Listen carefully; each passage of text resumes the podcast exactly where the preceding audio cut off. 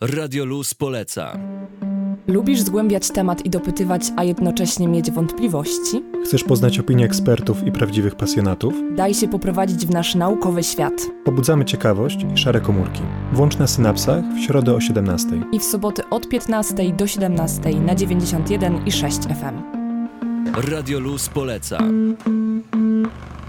Dzisiaj mam przyjemność gościć Wiktorię Chudziki, Natalię Janecką, studentki oceanografii, członkinię Studenckiego Koła Naukowego Oceanografów.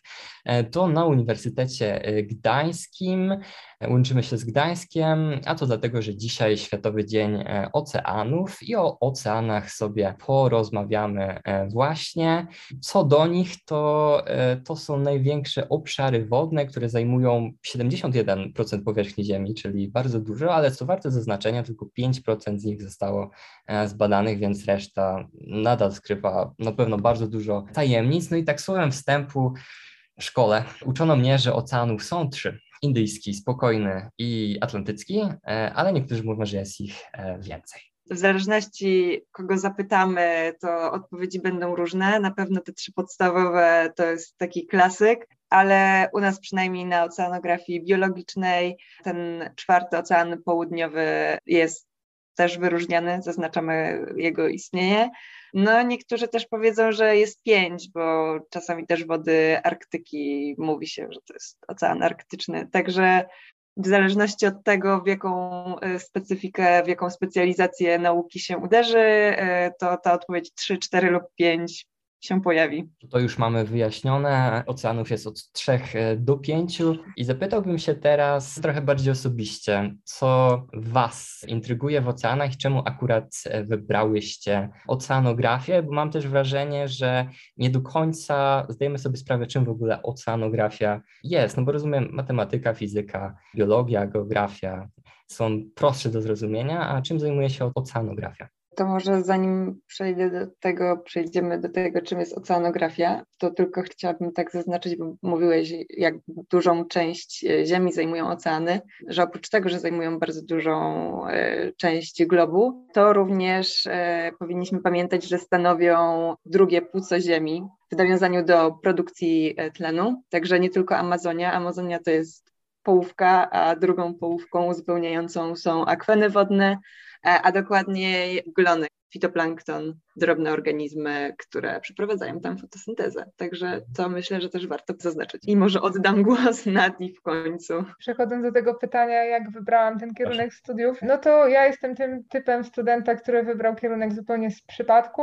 Tutaj u większości osób na moim roku też było to tak, że po prostu nazwa była ciekawa, no i po prostu trzeba było pójść i się przekonać. Wiele z tych studentów, którzy poszli tylko, żeby się przekonać, czy to jest ciekawe, po prostu gdzieś tam odpadło po pierwszych miesiącach, a mi się udało utrzymać na tyle, że skończyłam studia licencjackie i do tego jeszcze poszłam na magisterkę, więc już piąty rok na tych studiach to, to już jest troszeczkę doświadczenia. No i mamy różne specjalizacje. Mamy biologię, geologię, fizykę, chemię, które też się dzielą na takie mniejsze, jak ochrona środowiska czy biotechnologia morska. Więc tutaj są bardzo duże pole zainteresowań, więc każda osoba znajdzie coś dla siebie.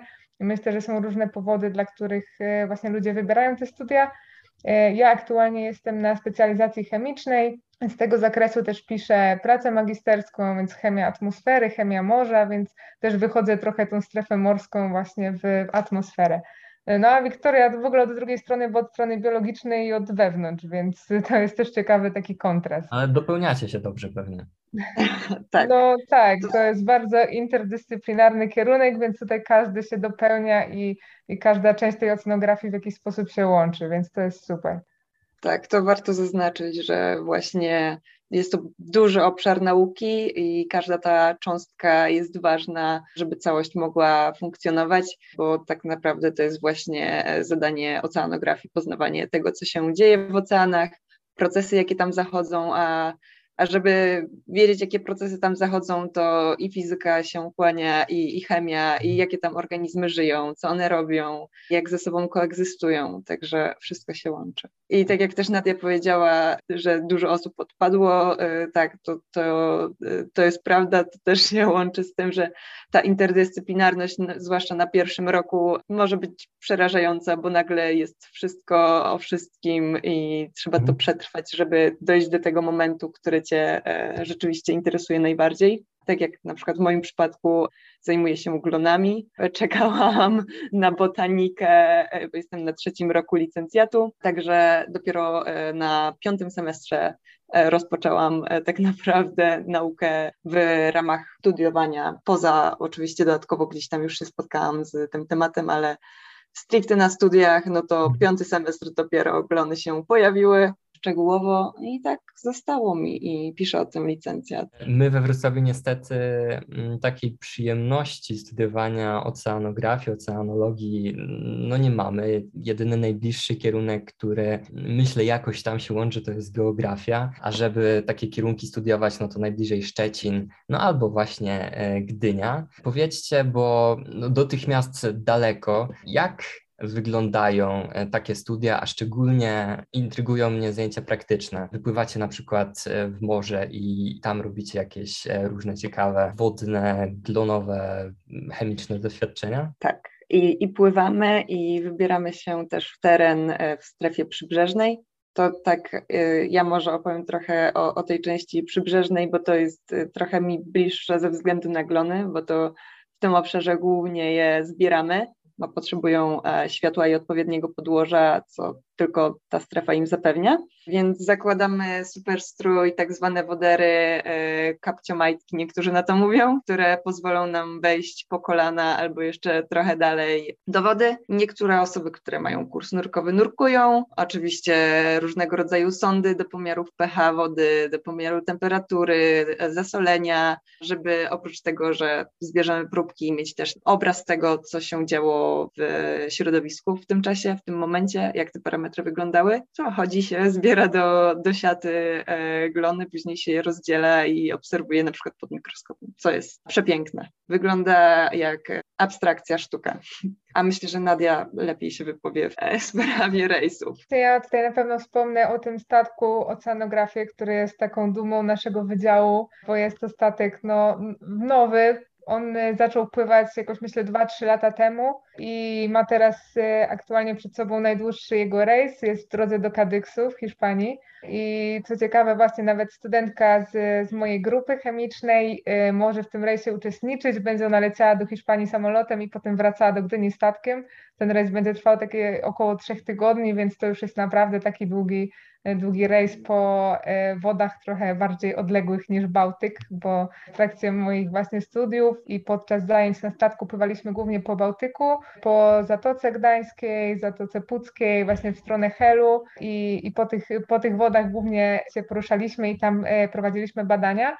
E, Mieliśmy też w ramach zajęć taki rejs jakby obowiązkowy dla wszystkich na pierwszym roku magisterki. On trwał chyba 4 dni, więc tam na pewno każdy mógł się zapoznać z, dobrze ze statkiem. A jeśli ktoś jest bardzo chętny na pływanie, to też e, zawsze warto się zgłaszać, bo e, studenci też są potrzebni na, na takich rejsach i zawsze się znajdzie jakaś praca, a dodatkowe ręce do pracy też się przydają, więc tutaj myślę, że warto korzystać, bo to jest fajna przygoda i, i, i całkiem całkiem ciekawa praca. Do tego jedzenie na statku jest bardzo dobre, więc to jest też jeden z głównych powodów, e, dla których wszyscy chcą tam e, pływać. Jest, No tak. naprawdę. Sami gotują Tak. na statku?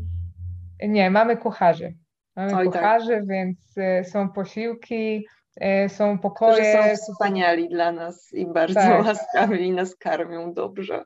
Tak, no w ogóle też załoga jest przemiła, lubią bardzo jak studenci przychodzą na statek i, i pływają na rejsy i, i to jest naprawdę fajna sprawa i warto się przepłynąć na taki rejs, żeby zobaczyć jak to wygląda e, od wewnątrz i, i czy to jest to, co się chce w życiu robić. No jestem pod wrażeniem, bo nam we Wrocławiu zostają kajaki, rowerki wodne albo jakieś pomniejsze statki. Zawsze coś, ale to, co opowiadacie, to naprawdę jestem e, pod wrażeniem. Więc e, jeżeli osoby nas słuchające czują się zaintrygowane, no to Szczecin bądź Gdynia czekają na Was. Wspomniałyście e, o tym, że waszym głównym polem działania, przynajmniej w okresie studiów, jest Morze Bałtyckie. No i tutaj od razu taka moja pierwsza myśl. Jak Morze Bałtyckie wypada na tle innych zbiorników na naszej planecie pod względem bioróżnorodności, e, pod względem atrakcyjności takiej naukowej dla Was, dla osób zajmujących się e, tematyką szeroko pojętej oceanografii? Jak byście się do tego odniosły? Ja mogę się odnieść właśnie do kwestii glonów. Na pewno w Bałtyku, tutaj szczególnie w naszych rejonach, gdzie to zasolenie jest niższe, no na pewno te organizmy są mniejsze w stosunku do tych w wodach bardziej zasolonych, czyli już w stronę cieśnin duńskich będzie i więcej makroglonów i będzie, będą one większe, aczkolwiek teraz patrząc moją pracę licencjacką co do, e, jeśli chodzi o bioróżnorodność, to jestem pozytywnie zaskoczona, ponieważ okazało się, że Trochę tego jest i czasami to, co przez lata było określane jako tam na przykład dwa gatunki, powiedzmy, określaliśmy z danego rodzaju, to okazuje się, że może niekoniecznie tak jest, może jest ich więcej, ale już z przyzwyczajenia czasami może, czy z trudności morfologicznej, oznaczenia morfologicznego nie, nie przyglądamy się temu bliżej, czyli genetycznie, a genetycznie się okazuje, że że tego jest dużo i, i to są bardzo e, ciekawe organizmy, więc są w kwestii glonów, ale też organizmy zwierzęce, jeśli chodzi o organizmy zwierzęce, to w sumie sytuacja, jeśli chodzi o wielkość, rozmiary, jest taka sama, a o kwestie chemiczne to specjalistka od chemii. Tak, u nas e, na kierunku zajmujemy się często zanieczyszczeniami, które są w Bałtyku. Są to na przykład metale ciężkie, takie jak rtęć, które również znajdują się w organizmach, co znowu łączy się z biologią, bo wiadomo, organizmy mogą bioakumulować sobie w swoich organizmach te e, zanieczyszczenia. Tak samo jak to, że zajmuje się atmosferą, to następuje wymiana między wodą a atmosferą, więc wszystko to się miesza. Tutaj emisja z miasta, emisja z takiego silnie zurbanizowanego miejsca jest naprawdę duża, jeśli chodzi o zanieczyszczenia czy to z sektora komunalno-bytowego, czy z transportu, czy nawet sportu morskiego. Wszystko to niestety trafia do morza i emituje wiele zanieczyszczeń. Ale jak miałam teraz okazję porównywać atmosferę nad Bałtykiem w tym naszym portowym mieście z, z literaturą światową, to nie jest najgorzej. Są miejsca o wiele bardziej zanieczyszczone, ale no, musimy zwracać uwagę też na tą emisję i oszczędzać ten nasz Bałtyk, no bo nie jest on duży i też nie ma takich zdolności oczyszczania się jak, jak i morza, które są bardziej zasolone na przykład. Bo tutaj zasolenie Bałtyku jest bardzo niskie w porównaniu z resztą świata. A co do tego aspektu biologicznego, to jeszcze chcę dodać, jako ja zanim poszłam na te studia, to nie zdawałam sobie sprawy, jak wiele gatunków różnych rzeczy w ogóle żyje w Bałtyku. Dla mnie to były zawsze ryby, no bo to jedyne co widać po prostu gołym okiem, jakieś glony. Niewiele osób wie, że mamy w Bałtyku krewetki i są foki, no to też jest dosyć oczywiste, ale no... Morświny. Morświny też się zdarzają, tak. Nawet ostatnio zaobserwowano delfiny, więc no, no naprawdę jest, jest tego masa.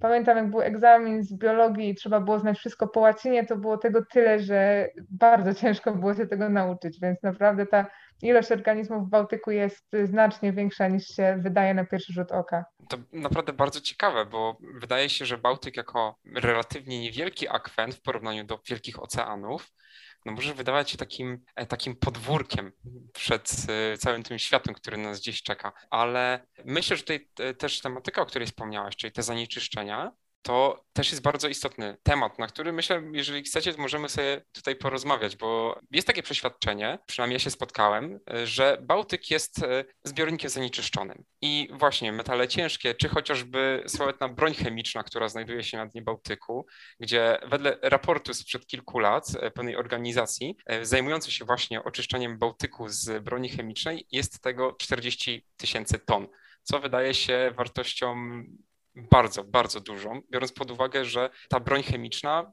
albo jest dobrze rozpuszczalna w wodzie, albo właśnie niedobrze rozpuszczalna w wodzie i czasem wypływa, parząc na przykład rybaków albo plażowiczów. I czy temat tego zanieczyszczenia Bałtyku jest, jest tak istotny, jak często się w mediach słyszy, czy na tle innych zbiorników? Już wspomniałeś, że było, e, że jest więcej zbiorników, które są bardziej zanieczyszczone ale jak to wygląda w ogólnym rozrachunku? Wydaje mi się, że to jest y, dosyć ważny temat i że Bałtyk jest zanieczyszczony, ale no, na pewno są y, morza, oceany bardziej zanieczyszczone, jak można nawet sobie pomyśleć o tych wysypiskach śmieci na oceanach, które są większe od y, Polski. Tyle, że też tutaj wymiana wód robi swoje i to też wszystko się nanosi po prostu w te miejsca, tak jak i również z Bałtyku.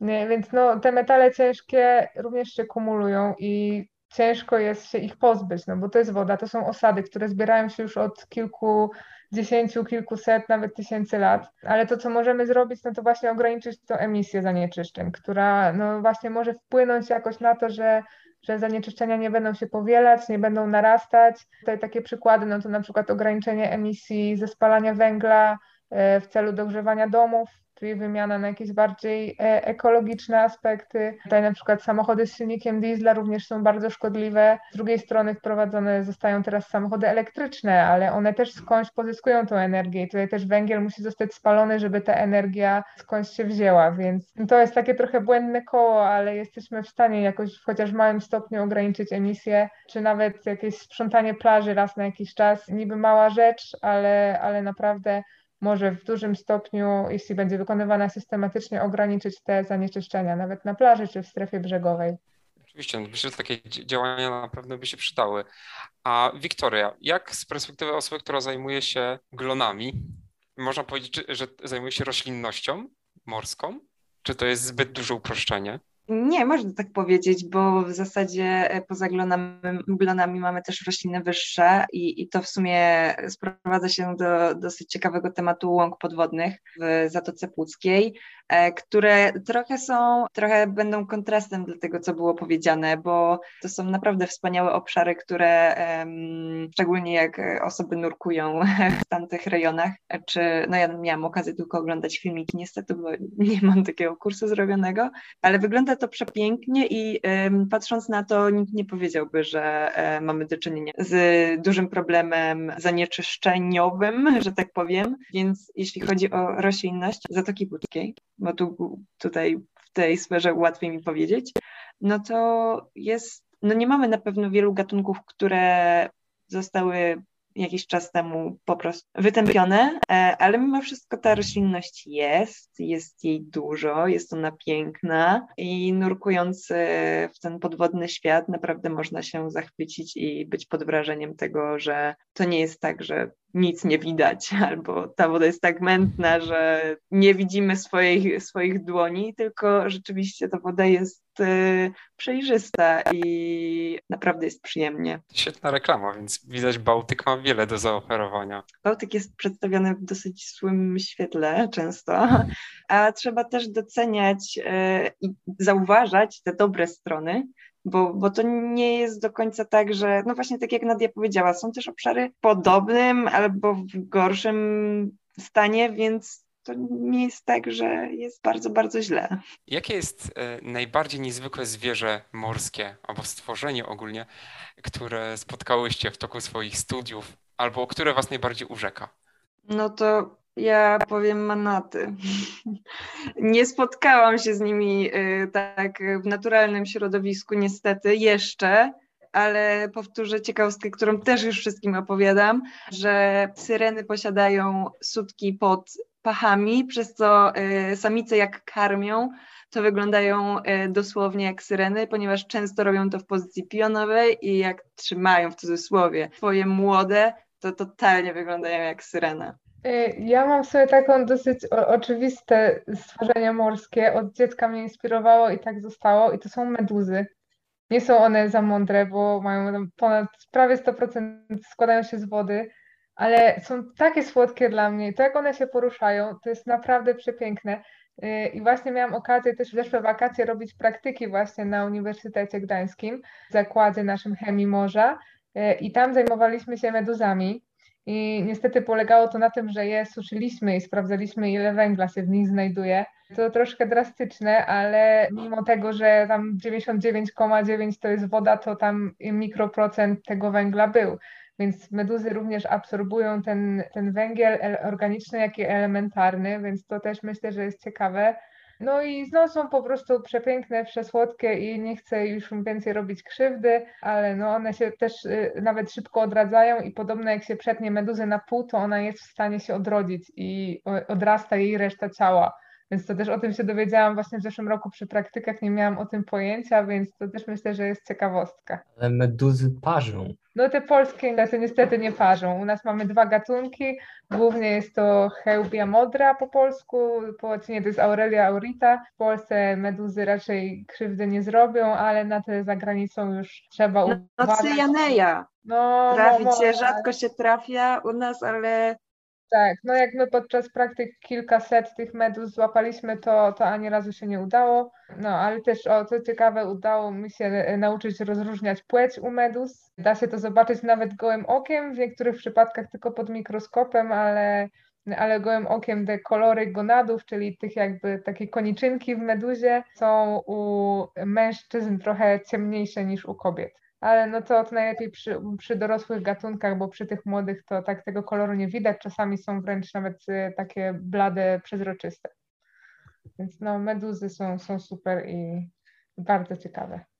Czy macie jakieś plany na przyszłość związane z oceanami, typu e, jakaś podróż, e, czy jakieś badanie e, szeroko zakrojone na jakimś oceanie na świecie? Czy ta wasza kariera będzie związana z oceanami, czy jednak zostajecie na lądzie? Ja myślę, że jak najbardziej, aczkolwiek tak szybko powiem, że w labie y, też jest mi bardzo, bardzo dobrze i świetnie się czuję, ale taki mój plan do zrealizowania, już chyba opowiadam o tym wszystkim, badanie manatów, syren morskich, taka grupa organizmów, to jest moje po prostu marzenie do spełnienia, żeby się nimi zająć, obserwować je, może ponurkować w ich pobliżu, ale tak, żeby nie naruszać ich prywatności. Ja właśnie zastanawiam się nad studiami podyplomowymi z morskiej energetyki wiatrowej, czyli ogólnie budowanie farm wiatrowych na Bałtyku, ale też i na innych morzach, bo patrzę sobie tak pod kątem przyszłościowym. Myślę, że to jest ciekawy temat, który się rozwija i w najbliższych latach tutaj naprawdę trochę nam tej energii ze źródeł naturalnych zapewni. Y, Wiem, że tutaj rynek też się rozwija, jeśli chodzi o pracę. E, A na ten moment y, nie pracuję w zawodzie, ale, ale jest to troszeczkę powiązane, więc myślę, że na pewno tutaj te studia bardzo mi się przydadzą do mojej przyszłej pracy. To ja myślę, że jeszcze słowem y, zakończenia chciałbyśmy zrobić przy okazji piękną reklamę naszego wspaniałego koła i zachęcić wszystkich do obserwacji na Instagramie Uniwersytet Podwodny. Zapraszamy. To żeby jeszcze raz nazwa koła wybrzmiała, Studenckie Koło Naukowe Oceanografów. to może jeszcze powiemy, czym dokładnie w kole się zajmujecie i jakie tam ciekawe projekty wykonujecie. Organizujemy na pewno takie spotkania dyskusyjno-filmowe, czyli e, oglądamy często jakieś filmy z zagadnieniami oceanograficznymi. W tym roku też udało nam się zorganizować wystawę artystyczną prac naszych członkiń i członków e, koła pod tytułem Morza i Oceany źródłem inspiracji. Ale też na przestrzeni lat organizowaliśmy różne projekty związane z mikroplastikiem, czyli bardziej może też w stronę chemiczną. No i przede wszystkim co roku, teraz nam się trochę przez pandemię to nie udawało, ale e, robimy wypady na stację morską do Helu, gdzie również możemy sobie prowadzić e, takie mini badania terenowe organizowane właśnie e, przez nas. Zainteresowanych zapraszamy, tak jak już mówiłem, do Szczecina i do Gdańska, a za rozmowę Wiktorii i Nadii bardzo dziękujemy. Dzięki.